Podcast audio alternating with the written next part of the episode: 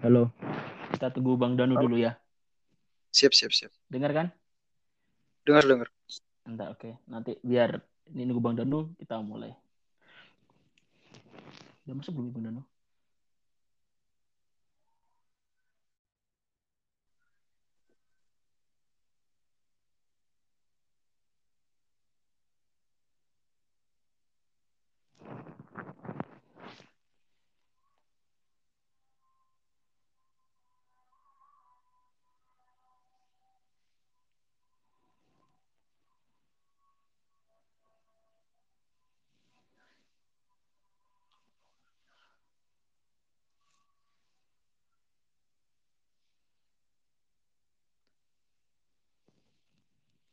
Halo. Halo, Nyambung kan? Oke. Kukira udah. nyambung nih. Aduh. Halo, halo, assalamualaikum, waalaikumsalam. Jelas nggak suara? Suara gue jelas nggak? Suara, Bang. Ma. Jelas, Dengar, Bang. dengar. Jelas, Oke, s- siap dah gitu bro. Aduh. Jadi canggung nih ya. Eh, slow lah, slow lah. Mulai aja apa kita? A- Apa gimana dulu? Ya, aku dulu Bang. Sebagai skuter aku dulu yang mulai. Oke, oke, oke, oke, oke, oke. Oke. Hmm. Oke. Kita, kita mulai Bang ya. Dari hitungan ketiga.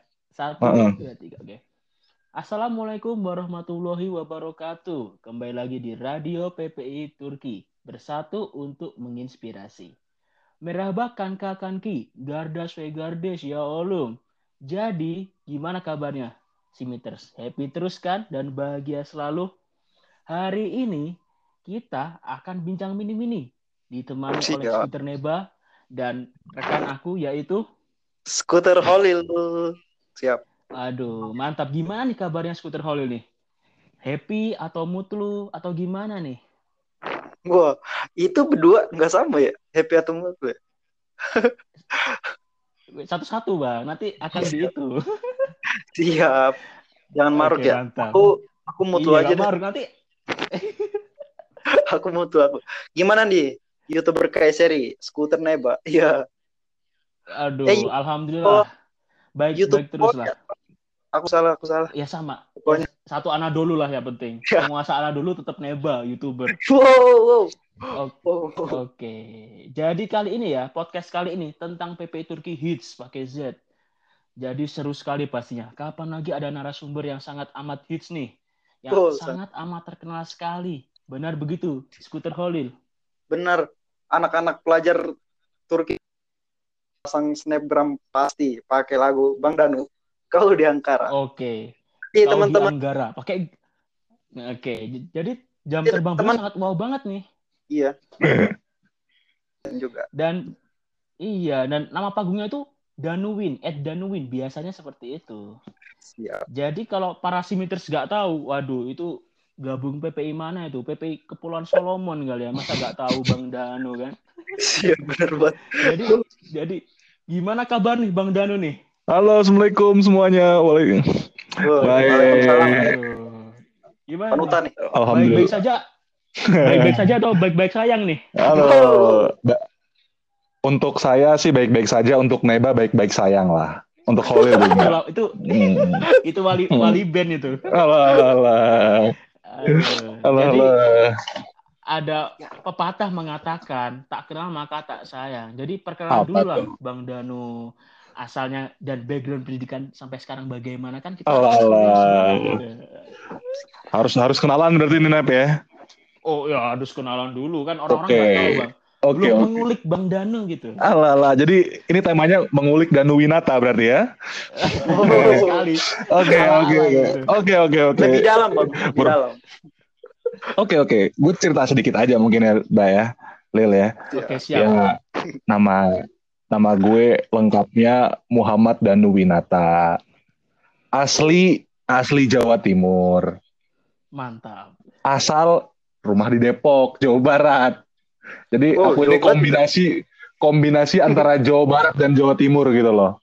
Waduh, Hmm, mantap. hmm, mantap ya. Nah, Mantap aduh. Nah, tapi gue dari TK sampai kuliah S1 tuh di Depok. Gitu, Lah, bro. Jadi nggak pernah di itu ya, nggak pernah di itu ya, Jawa Timur ya. Tiap mudik aja sama hari raya besar aja. Oh, Ah. Ah, pulang itu kampung. aja. Eh, eh. Terus gue kuliah dulu S1-nya di UI, ambil komunikasi. Mantap Terus gue gue juga lulus S2 di Universitas Pertahanan. Terus kesambet apa? Gue ambil S2 lagi di Kocaeli University. Top score ya. S2 dua kali. Nggak tahu nih gue. Gue kesambet apa? Bang. Jurusan linear, jurusan. Jul- S2-nya gue ambil asymmetric warfare, kajian terorisme dan insurgensi. Terus gue S2 nih linear kayak S1 komunikasi juga. Wah, tapi Mm. menarik sekali ya. S2 dua kali itu wow banget. Oh ya nggak tahu, Nep. Gue gue nih kesambet apa? Nep gue juga mikur dah, Nep. Iya tuh tadi kan bang Teman-teman gue, Motivasi banget. Heeh. kata teman-teman gue pada Kata- kawin. Heeh. Siap Kapan sih. lagi gitu loh, S2 dua kali gitu loh. Alah. Iya. Oke oke oke. Emang emang kelihatan bang kelihatan produktif sekali ya, produktif sekali ini. Iya. Dua kali. Kira-kira gimana nih bang menjadi mahasiswa produktif yang aktif berkarya di tengah pandemi seperti ini? Apalagi Turki kan top 10 tuh Mhm. yang Nah, positif corona paling banyak. sekali itu. Gimana tuh bang? Jadi mahasiswa produktif. Jadi, jadi begini sih. Basically, gue ini adalah orang yang hobi main keluar rumah. Gue dari gue Oke. dari gue nggak suka lama-lama di rumah. Pasti ada aja gue ulahnya gitu. Heeh. serius ya. Extrovert banget nih. Ekstrovert banget. parah. Gue ekstrovert radikal memang, man. Beneran nih. Apa itu? EN apa? E ENFP, ENFP. Gue ENFP. Gue gue gue ENFP. Oh. Aku Oh. entertain, Bang. Jadi Oh. gitu. Oh lah. Nah, terus kalau misalnya gue kan gue NFP ya, balik lagi ke MBTI test ya, gue NFP. Jadi Oke, kalau tapi kalau misalnya berbicara INFP itu kalau lagi ansos ansos banget. Nah, Ah, selama gue di rumah ini kalau misalnya ansos ya temen gue apa? Temen gue ya gitar, temen gue ya pasti itu. Ini. basically mm, anak kayak NFP kan biasa hobinya caper-caper terus pengen show off Benar, gitu loh. benar, benar. Nah, gue nggak benar, benar banget. kan uh, uh, jadi gue nggak dapet wadah buat show off di offline ya gue pindah ke online gitu loh jadi orang iya kan dua opsi, Bang ya. Dua Kalau opsi. offline nggak bisa, online. online Ada juga media bisa digunakan begitu. ada media juga gunakan pokoknya kita muka kita tuh harus ada di mana-mana coy widih. Tipe EN, ENFP banget itu. Serius, Eh, eh, tipe ENFP banget. mantap banget. Muka kita harus ada di mana-mana. Itu yang Ah, Iya, itu benar-benar tipikal seorang ENFP seperti itu. Itu emang bener banget. Sesuai MBTI itu bener banget. nah itu dia gue kalau lagi gini, di Bang. Mm-mm. gimana tuh gimana tuh gimana tuh Jadi gini nih, kan Bang Danu kan tipe yang sangat show off kan. Suka banget berkarya nih. Hmm. Terutama di ke dunia musik. Nah, aku tanya nih Bang, apakah sejak remaja suka berkarya dengan dunia musik? Asik. music, ya? Jadi gini nih, gua dari SD itu hobi nyanyi di rumah. Mak gua Oh, beli, dari SD. Oke. mak gua beliin tuh kaset Peter Pan, kaset Dewa, terus kaset apa lagi tuh ya, kaset Rosa. Ingat banget tuh. Ada kaset-kaset. Pokoknya ini dulu zamannya sebelum CD kan kaset ya, tape recorder ya. Nah, Iya, gua, gua denger tuh, gue nyanyi, nyanyi sendiri. Nah, tapi gue pas SD, gue cuma bisa berpuisi aja. Nah, pas SMP, mantap. SM, eh, SMP, gue ngeliat temen-temen gue tuh main gitar gitu, terus cewek-cewek pada suka gitu loh. Ah, ah, ah. Wah kok, eh, kok Mantap. gue, banget. antusias sekali. iya, Sangat antusias sekali. iya, Antusias. Nah, lah, gue sebagai orang yang tolol main main musik waktu itu, ya gue ngerasa, wah, ini gue harus bisa nih main, main musik nih. Nah, gue Hmm. Gue kali itu gue langsung balik ke rumah minta bapak gue pak beliin gue gitar pak. Nah akhirnya dibeliin tuh. Langsung ya, langsung minta gitar. dibeliin Langsung gitar dibeliin gitar merek di weekendnya dibeliin. Oh, dibeliin. Harga inget banget gue masih tujuh puluh ribu gitar gitar gitar palsu lah gitar gitar gitar oh. gitar yang ada di toko sport. Tau nggak lo gitar yang ada di toko sport? Gitar tapi di toko spot. Mantap. yang tujuh puluh ribu warna pink lagi warna pink lagi zaman dulu Sekali pakai tiga kali Nah. rusak. Ya. enggak sih enggak sih Atau awet, atau awet itu, awet itu. Ya, Awet. awet sih, tapi baru dipakai tiga bulan mangap gitu belakangnya kan. Mantap, mantap. Oke. Nah, nah habis itu nah, Lil, jadi gini, habis main gitar, akhirnya wah gue bisa nih main gitar. Langsung kelas 2 SMP ada praktek main gitar. Tiap anak itu wajib nyanyi Hmm. main gitar. Wah, di situ gue show off banget, men. Gue nyanyi lagunya Raja, men. Tulus, tuluskah hatimu. Hati. Nyanyi tuh. Cinderella. Cinderella. Cinderella nyanyi, nyanyi tuh. Nah, dari situ keterusan.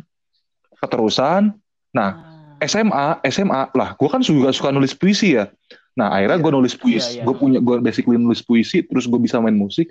Nah, di situ gue mulai-mulai nyiptain lagu, aransemen lagu sendiri, musikalisasi puisi. Nah, di situ. Terus SMA sampai kuliah, gue gue gak punya band itu loh. Sampai sekarang pun gue masih ngeband. Nah, apa nih? Apa namanya Nama tuh? bandnya apa nih waktu SMA pertama? SMA band gue Laknat.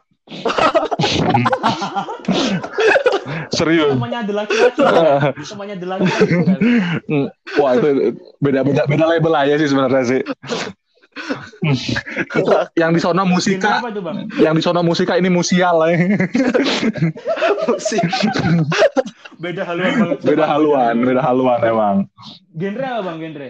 Rock, deathcore, Wah dulu death metal, apa apa? dulu mah era-era punk sama emo kan, zaman-zaman kita dulu kan. Oh iya. iya. Waduh.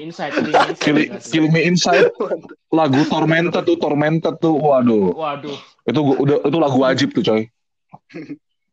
Apalagi anak muda bang. Oh, ya? anak muda. Era 90-an. Waduh, iya iya, heeh. Apalagi PW Gasin. Wah. PW Gasin parah, bro. Aduh. Topi SMA gue bro, gue diriin ke atas, gue tulis door, bayangin coy. Mantap. Mm. Oh, SMA lain dilarang gitu bang. Ah, SMA, Udah, Wah. udah pasti. lah SMA gue kan SMA underrated bro.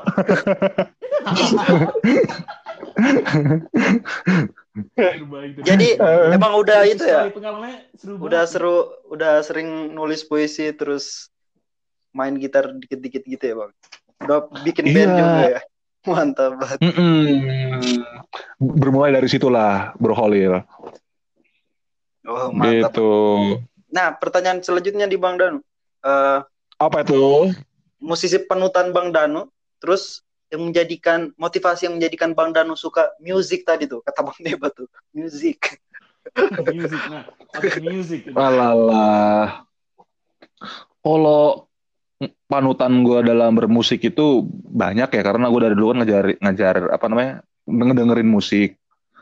Terus gue juga belajar musik tuh ngedengerin orang-orang yang gue anggap senior senior lah di kampus di SMA.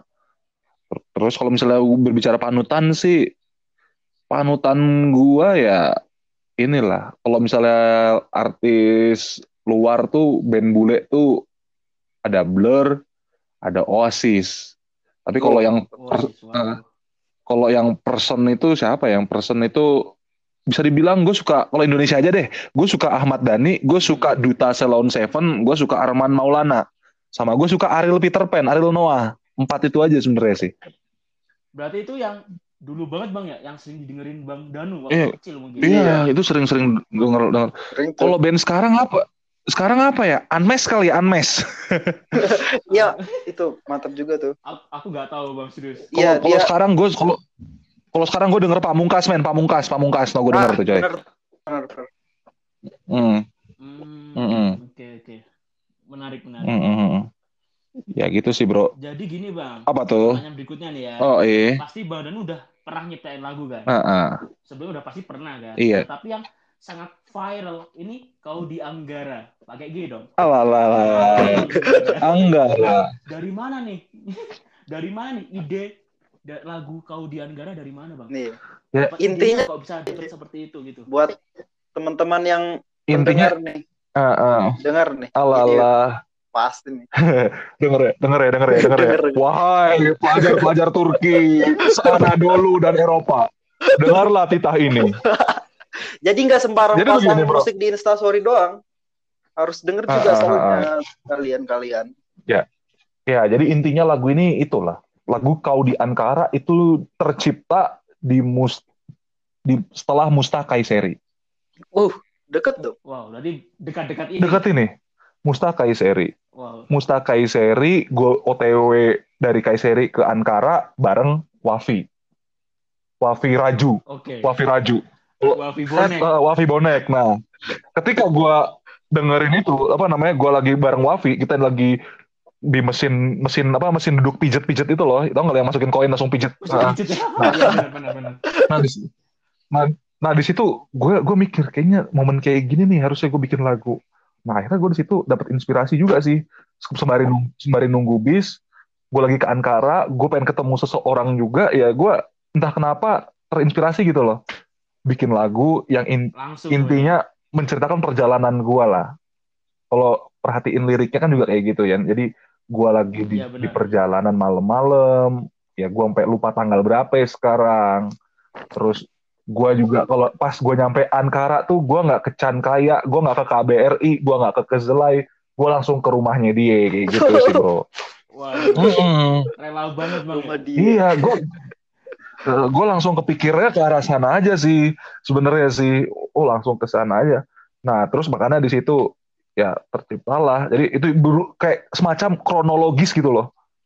Kronologis, ya kronologis seorang pria yang menyukai seorang wanita sesama pelajar Indonesia di negara orang. Nah. Hmm. Damn gitu.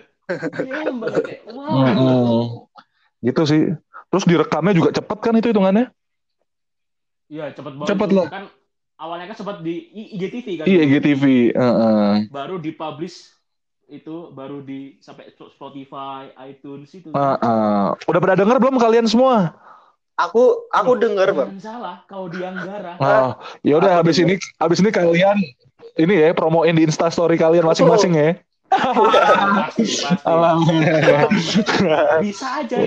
Marketingnya bisa aja. ya, Di kalau podcast tetap promote. ya. ya gitulah bro. Ini parah ya, gue malah yang ngedikte announcer ya nih coy, bahaya gue emang. Santai. Santai. Langsung. Ini podcast yang dicari orang-orang. Oh lalala. Next. Mantap. Itulah bro. Oke. Tapi nih tadi kan bang udah menceritakan gimana nih. Dia teman-teman udah jadi nggak nggak seolah masang musik doang tahu arti. Anda perjuangan mencari cinta seorang perempuan tuh sampai kayak gitu sampai bikin lagu-lagu. Jangan cuman bikin Nah, benar Ah. begitu. Benar sekali. Mm-mm. jangan jadi ambiar doang tapi berkarya. Iya, mantap. Iya, itu. Nah, ini ini, ini prinsip gua juga, men. Ini prinsip gua juga, men. Gua kalau naksir perem, Apa gua naksir perempuan, gua nggak mau entah itu gagal atau sukses, gua nggak mau itu tinggal perasaan penyesalan sama sedihnya doang. Tapi harus Benar. ada karyanya, men. Mantap banget. Waduh. Mm. Motivasional banget. Ini, ini sekolah Ahmad Dhani cocok nih. Sekolah, It- sekolah Ahmad Dhani ini serius. Republik Cinta Manajemen cocok Bang Dhani. Alalala. Ini Ahmad Danu, bro, bukan Ahmad Dhani. bro. Oh, Mm. kayak gitu kan tuh. Tapi tapi gini nih bang, kan Mm. beberapa tahun ke belakang itu ada kayak eh, kayak respon dari musisi-musisi gitu tentang RU permusikan. Pandangan Bang Danu tentang Mm-mm. permusikan di Indonesia tuh gimana sih? Pandangan pribadi dari Oh. Bang Danu. Oh, musik ya. Kalau ngomongin musik tuh sebenarnya sekarang itu ya, ini entah tuh terlepas dari RUU permusikan, itu urusan politis lah. Di sini gue Iya. akan memberikan statement yang si yang, yang statementnya general dan mungkin bisa diterima sama adik-adik pelajar juga di sini. Kalau ngomongin musik Indonesia, musik Indonesia sekarang tuh semak sekarang tuh semakin proporsional, semakin adil dan semakin heterogen. Nggak kayak dulu. Karena apa? Karena dulu itu itu kan media penyampainya kan radio sama televisi. Di mana orang antri-antri demo musik, antri apa namanya cover-coveran dan lain-lain formatnya itu kan hanya di media itu aja kan. Nah, sedang makanya dulu tuh trennya tuh ada tren emo, tren musik Melayu. Nah, kita pernah kita pernah ngalamin Sempat juga. sempat Korea juga, Korean Smash. iya kayak Smash juga kan, Smash juga kan. Nah, kalau sekarang ini udah semakin heterogen. Ada platformnya, ada Spotify, ada iTunes, ada YouTube, udah Iya, itu terbuka buat semua genre gitu loh. kayak gue nih, gue dengerin musik sekarang, aduh, gue lagi dengerin musik ska nih. Ini sebelum podcast gue malolo, malolo pada nih, gue denger lagu Segi Dog man, live gitu loh. Ah, jadi gue emang, emang lagi seneng musik ska hari ini ya gue musik mood gue langsung musik ska. Kalau misalnya kemarinnya lagi gue lagi galau-galaunya, gue lagi dengerin musik 80-an, gue dengerin musik 80-an, All Out of Love, Air Supply. Nah, Ah. Terus gue kalau lagi denger, gue lagi ambiar nih, gua, atau lagi kasmaran, gue buka aja payung teduh, Oh. sembari nostalgia zaman kampus gue dulu. Ya kayak gitu loh. Sekarang tuh udah udah semakin terbuka buat semua genre. Nah sekarang tuh semakin adil. Gue rasa sekarang ini ya untuk aneka-aneka musisi gitu, aneka genre itu menurut gue itu terpeluang sama rata sama rasa sih sebenarnya sih. Gitu sih. Jadi gue ngerasa sekarang musik sekarang Indonesia tuh lebih adil, lebih sesuai segmentasi kalau bisa lo bilang lah. Sama kayak YouTube. Ada orang yang suka Gita Saf, gue sukanya fake neba gitu loh. Oh. Gitu sih bro. Oh. Ah, ah, Ini Agak gimana gitu ya bang ya? ah. iya bro. Ah, ah. Gue sukanya fake, fake neba gimana bro? aduh bisa. Bisa lah, iya coy kan bisa aja masuk. Aku cinta baju dari Mm-mm. YouTube Fake Neba. Iya, iya sih. Gue mau order, Jadi bangga Mm-mm. nih, ada sosok fake people. gue gue fake people bro. Jauh sebelum gue musisi gue fake people. Bagian bang ya, aduh. Alah lah.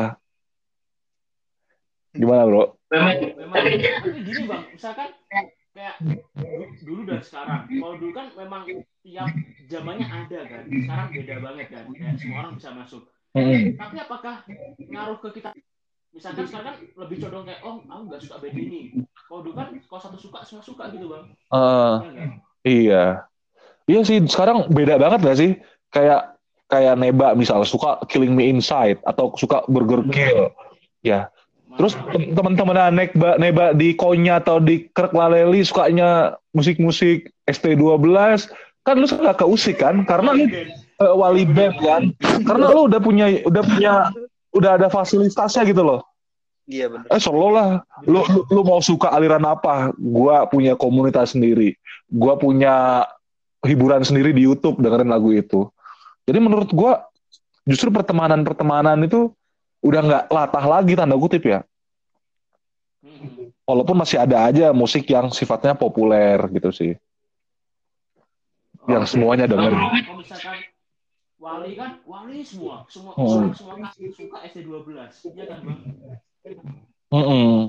Kalau sekarang udah udah udah tren-tren kayak gitu udah udah beda sih Udah beda bang. bisa dilihat kalau acara-acara musik sih, Nep. Kalau lu nonton acara Sondrenalin atau apa namanya acara Synchronize Fest, acara-acara musik gede di Indonesia ya.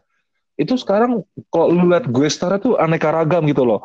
Ngundang Soulja, ngundang Piwi Gaskin, ngundang Noah, ngun- ngundang Salon Seven. Bahkan ngundang band elektronik The Upstairs, apa Iya. New Wave. Terus? Heeh. Jadi Terus kayak Roma Irama juga ngisi main. Oh, Heeh. dapat. Jadi satu panggung tuh heterogen Heeh. gitu ya musiknya ya. Jadi heterogen heterogen Hmm. sekarang udah heterogen makanya sekarang tuh udah udah enak lah udah ter, udah udah adil lah udah heterogen nggak kayak dulu lagi kan Hmm. kalau dulu kan band-band indie kan naruhnya kan di MySpace Iya, iya. benar-benar. sekarang udah udah enak lah Semua masuk Gitu, bro. enak gitu. Oke. Ini pertanyaan Hmm, Bang, ya. hmm. apa tuh bro Jadi gini, bagaimana cara agar bisa image Danuun itu dikenal oleh pelajar di Turki dengan sosok Ah, benar tuh. humble, out of the box, serta inspiratif dari teman-teman singiter sekalian gitu bang. Karena bikin image susah Alah, banget, alah. ya kan? Gimana ya bro ya nih pertanyaan yang sebenarnya gua gua nggak tahu formulanya gitu loh karena di, di mana pun gua di mana pun gua berada I'll try to be myself gitu loh Nah, benar tuh.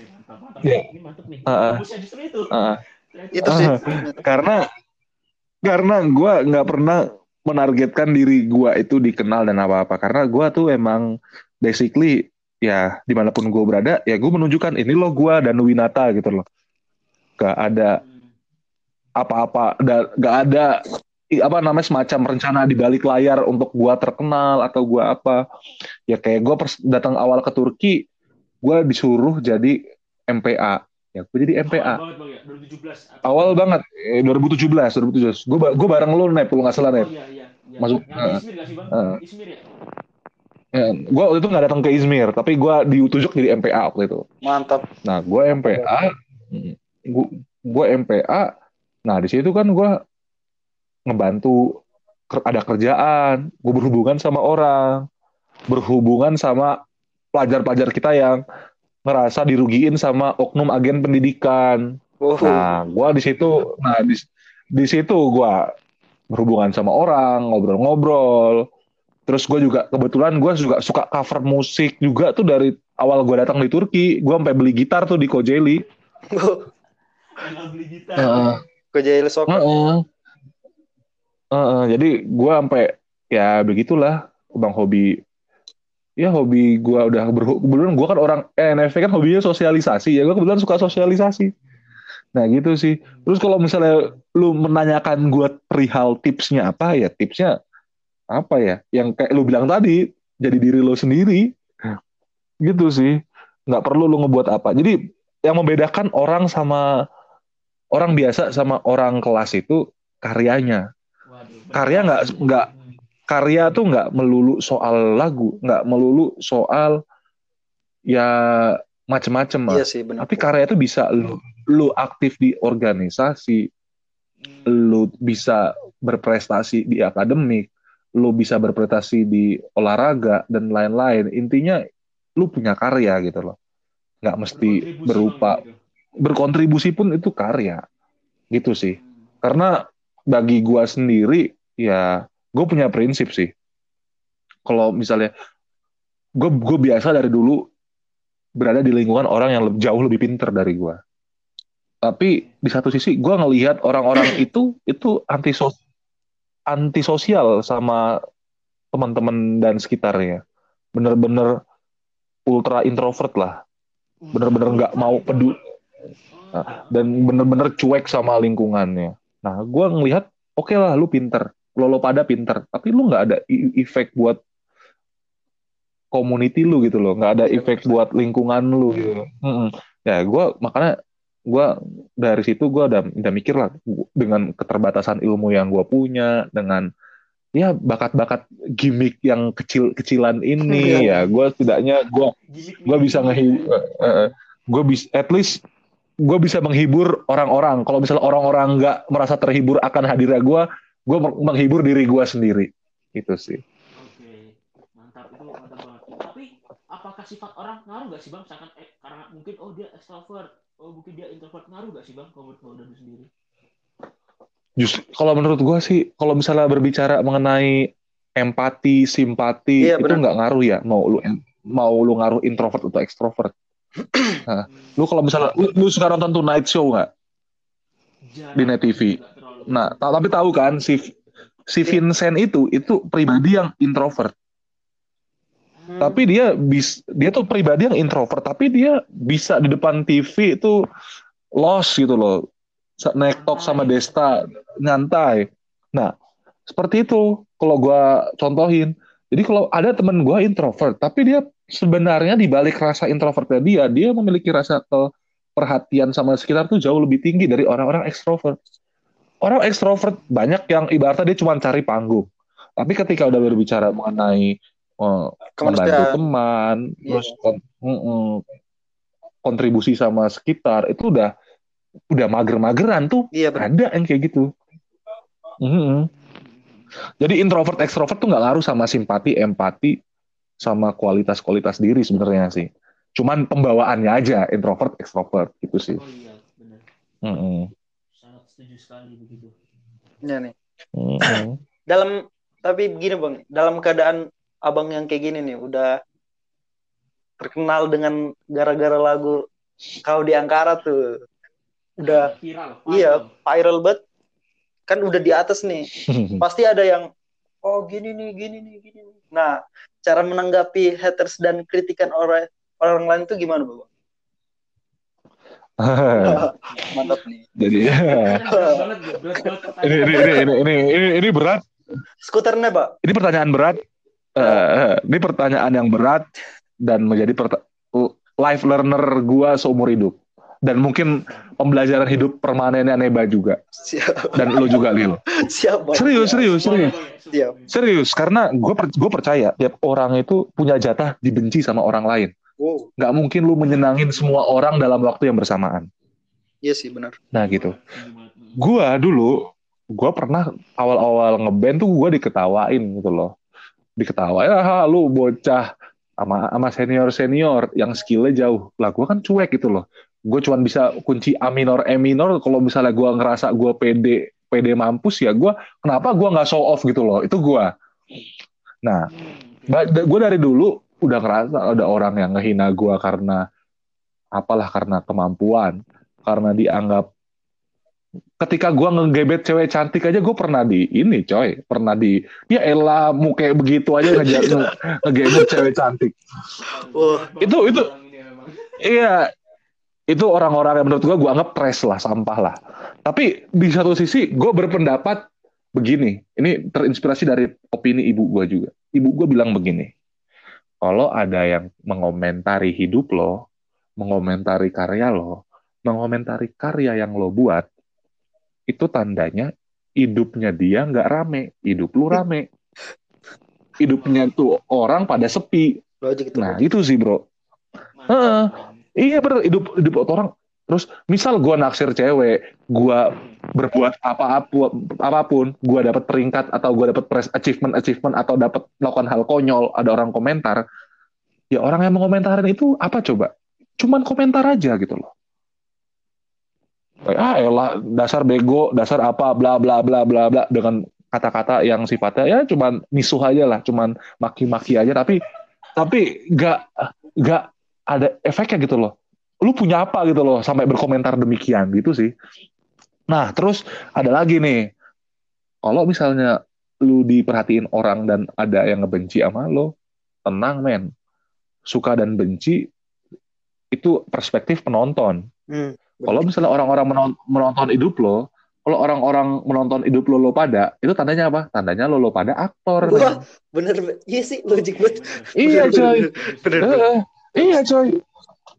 Berarti kesimpulannya adalah kita adalah aktor dari kehidupan-kehidupan mereka, bro. Oh. Gimana itu, bro? Iya lah, bro. Nggak, Eh. Baik serius. eh, nih. nggak usah lu mikirin apa pandangan orang. Ya elah. Ya kayak gua kayak gua ngomong, gua ngerilis lagu kau di Ankara. Ini lagu lagu bucin ini lagu apa ya? Gua ngerasa ya ya gua nggak ambil hati gitu loh karena gua ngerasa orang udah memperhatiin oh karya gua di dinilai nih sama orang sini loh gitu sih. Jadi gua gua Bang, ya, mm-mm. Karena gini, gimana tuh? Apa itu? Haters paling bahaya adalah teman dekat sendiri. Benar nggak sih, Bang? Iya sih. Kadang gitu kan, lebih kayak teman kadang tuh kayak nggak mau dukung, malah yang dukung orang lain. Seperti itu. Kayaknya Bang. Deba pengalaman banget nih. Iya. Eh, Oh. Kalau aku gini, Bang. jadi jadi gini. gimana tuh? Kalau gini, Bang. Cara misalkan aku kan seorang vlogger, seekor vlogger nih ya. Seekor vlog. Mm-mm. Nah, orang-orang itu vlognya tuh ya udah tahu, oh ini ini terkenal, ini terkenal. Nah, aku pengen cara membranding diri sendiri dengan cara fake label banyak haters. Padahal sebenarnya ada tapi dikit teman-teman sendiri. Hmm. Itu branding kita gitu, Bang. ya itu terserah lo sih Nep. Tapi nggak apa namanya kalau misalnya lo membranding itu ya ibaratnya tuh buat lucu-lucuan aja sih. Betul itu Hmm. Ah, lucu-lucuan aja. Jadi kalau misalnya pahit-pahitnya ada haters kayak misalnya contohin koteng dari Samsung itu kan haters juga tuh kan. Ah, ah, Sebut nama langsung. Ah, ah, itu bi- karena gue yakin nih orang bakal denger jadi gua- kit- kit- omongan gue nggak akan dihitung gibah omongan gue nggak akan dihitung gibah Dia pasti denger ya. nah itu dia sih. Jadi intinya adalah ya jangan pernah ngerasa haters itu sebagai penghalang kita dalam berkarya sih. Justru malah orang pihak yang menyabet kita agar semakin berkarya ya nggak sih? Iya sih. Itu sih. Logik banget. Buat sama Dono. Mm-mm. Itulah bro. supaya semangat semangat dikit lah. Ya, karena gini bang, orang itu kayak mereka tuh punya ide, cuma malu banget karena haters tuh kayak merasa bener-bener mengurung karya mereka gitu bang. Hmm, iya sih. Tapi kok kalau kita hidup berdasarkan penilaian orang, kapan kita mau dianggap orang sama orang gitu loh? Iya benar sih. Tergantung responsif setiap Hmm. orang ya. Gitu. Iya, iya. Karena namanya juga respon kan otomatis ada plus ada negatifnya juga ya. Hmm. Ya, kalau misalnya kita kalau kita cuman melihat dari sisi negatifnya ya ini aja. Coba gue contohin deh kangen band. Kangen band awal-awalnya dimaki-maki men, munculnya men. Iya, tukang cendol. Tukang cendol. Piwi Gaskin juga pernah eh, Piwi Gaskin juga pernah kena fitnah. Banyak dulu band-band yang ibaratnya orang-orang yang berkarya tapi banyak kisah-kisah yang membuat orang tuh apaan sih kayak respon negatif aja. Tapi sebenarnya tapi mereka semua tetap berkarya kok. Andika kangen band sekarang masih dapat panggung. Dapat julukan Babang Tampan malah. Hmm. Semua orang tahu lagunya kan bang? Iya. Benci pun mereka tahu lagunya gitu. Ini gue gue tantang siapa pun insan-insan di Turki Oh. yang men- yang merasa kelas musiknya paling tinggi entah dia dengerin musik klasik, musik jazz. Kalau gua setel lagu antara aku kau dan dia, kalau dia nggak nyanyi, gua pu- gua ini coy, gua sit up bro 100 kali.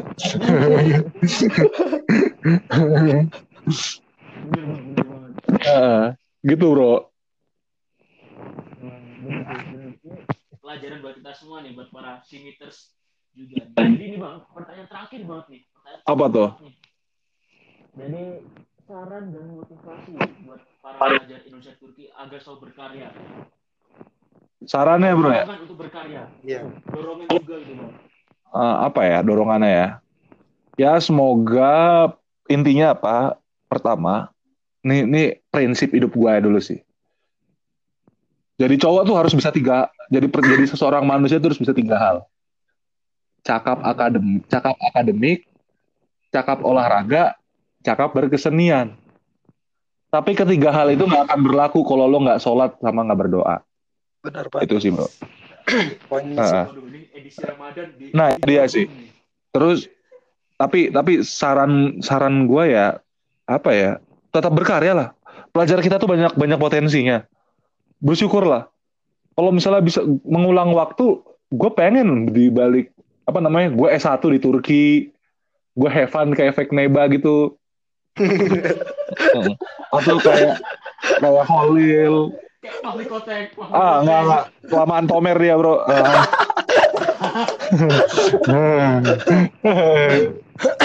nah, Berarti anak-anak pelajar Indonesia Turki bisa berkarya semua bang ya? Bisa. Kan pelajar di Turki nih, gue kabarin, gue kasih tahu aja. Jadi pelajar di Turki itu menurut gue tuh punya potensi. Pertama, dia di di lingkungan yang notabene berbeda dengan pelajar-pelajar yang ada di Indonesia. Dia bisa di situ dia belajar toleransi, belajar mandiri, belajar macam-macam. Kedua, dia juga memiliki kemampuan untuk mencari bakatnya tuh ada di mana. Mm-mm. Itu sih. Jadi intinya, intinya ya tetap semangat, tetap berusaha, dan tetap jadi diri sendiri gitu loh. Dan ingat, jangan mentang-mentang di Turki nilai-nilai yang sudah dipegang dari dulu itu langsung dilepas aja, ngerasa ngerasa liar lah. Ya, soalnya yang gua liar. Eh, soalnya yang gue tangkap di Turki itu ya banyak kayak gitu sih. Aslinya berpotensi, aslinya soleh, aslinya mampu berkarya, tapi nyampe di Turki malah stagnan aja banyak. Iya sih. Jadi ikutin beda. beda, ya? Beda, beda. Jadi saran gue buat pelajar Turki ya, tetap kembangin diri, tetap enjoy, tetap menikmati fase-fase yang ada di Turki lah. Tapi jangan lupa kuliah. Banyak loh, oh, gara-gara nyampe di nyampe Turki cuannya potensi cuan banyak, lupa kuliah. Lupa tujuan awal bang ya? Iya, ambil mata kuliah, nge-guide di Hagia Sophia, Oh. nge-guide di bursa, nge-guide, eh, nge-guide. Itu Jadi pengembara bang. Heeh. Jadi pengembara semua iya, orang-orang ini. iya, itu itu dia Nep yang kita lihat-lihat sih sebenarnya. Jadi Hmm, Jadi, poin- itu sih jadi poinnya tuh apa pun bakat kalian tuh, apa pun potensi kalian tetap sholat dan berdoa ya bang. Mantap banget nih. Iyo, ih. Nah itu dasar, dasar itu itu banget itu, tuh. itu dasar sih. Itu sebenarnya gue dapat statement itu dari teman-teman gue sih, tapi gue simpulin aja. Siap, siap. Soalnya banyak yang, ya soalnya banyak kan sekarang itu kan orang yang ya udah melu- mulai melupakan lah. Gue juga anak tongkrongan, gue teman-teman gue juga banyak yang nakal juga banyak. Tapi bagaimanapun juga kita berprinsip kan, hidup kan bukannya nggak hanya masuk SMA atau kuliah aja yang kompetisi, hidup tuh juga kok masuk termasuk kompetisi. Bener gitu. Lu mau masuk janah pun juga kompetisi sebenarnya. Oh, Gitu. Masuk mantap. janah. Baik. Mantap sekali ya, Bang. Ah, Ya, iya. edisi Ramadan. Hashtag Siap, siap. Danuin edisi Ramadan. Edisi Ramadan. Oke. Ah, Podcast Ramadan. Oke, Bang. ah, ah. Siap, siap. Oke deh. Memang memang mantap. Udahan nih berarti podcastnya nih. Ya, memang mantap sekali nih podcast kali ini. Ilmunya sangat bermanfaat untuk para kaula muda dan para netizen yang baik dan bermoral seperti kita semua. Amin ya, Bang. Amin amin. Terima Amin, kasih banyak banget, Bang. Lo semua tuh sahabat janah gua. Iya. Ah. makasih juga. makasih banyak juga. Jangan capek-capek. Oke, bangga gue mengenal Bang Saya Doni. bangga banget, dong. Ah. Oke deh, gue juga bangga mengenal lo semua bro. Siap, siap, Bang. Skuter-skuter janahku semangat terus, skuter janahku. Semoga kita bisa Waduh. bercakap lagi ya bro ya. Siap. Terima kasih banyak atas obrolan Siap, pasti mantap dong. mantap kali ini. Jadi aku skuter, skuter. Holland dan teman aku Dan skuter Neba kami pamit undur diri. Ja- Dan dan skuter Neba. Jangan lupa selalu nantikan podcast dan on air Radio PPI Turki. Terima kasih. Boleh. Bang Doni juga. Dadah. Dadah. Gue mantan skuter loh. Dadah. Oh ya, pakai skuter dulu ya. Dadah. Oke. Terima kasih. Silahkan di live, silahkan. Makasih banyak, Bang. Mati ini. Siap. Yoi yoi, mati ini, mati Terima ini. kasih. Terserah. ah. Live ya, gue live ya, gue live ya, gue live ya. Masih banyak Siap, Bang. Yo, Assalamualaikum. Waalaikumsalam Oke, warahmatullahi oke. Waalaikumsalam warahmatullahi wabarakatuh.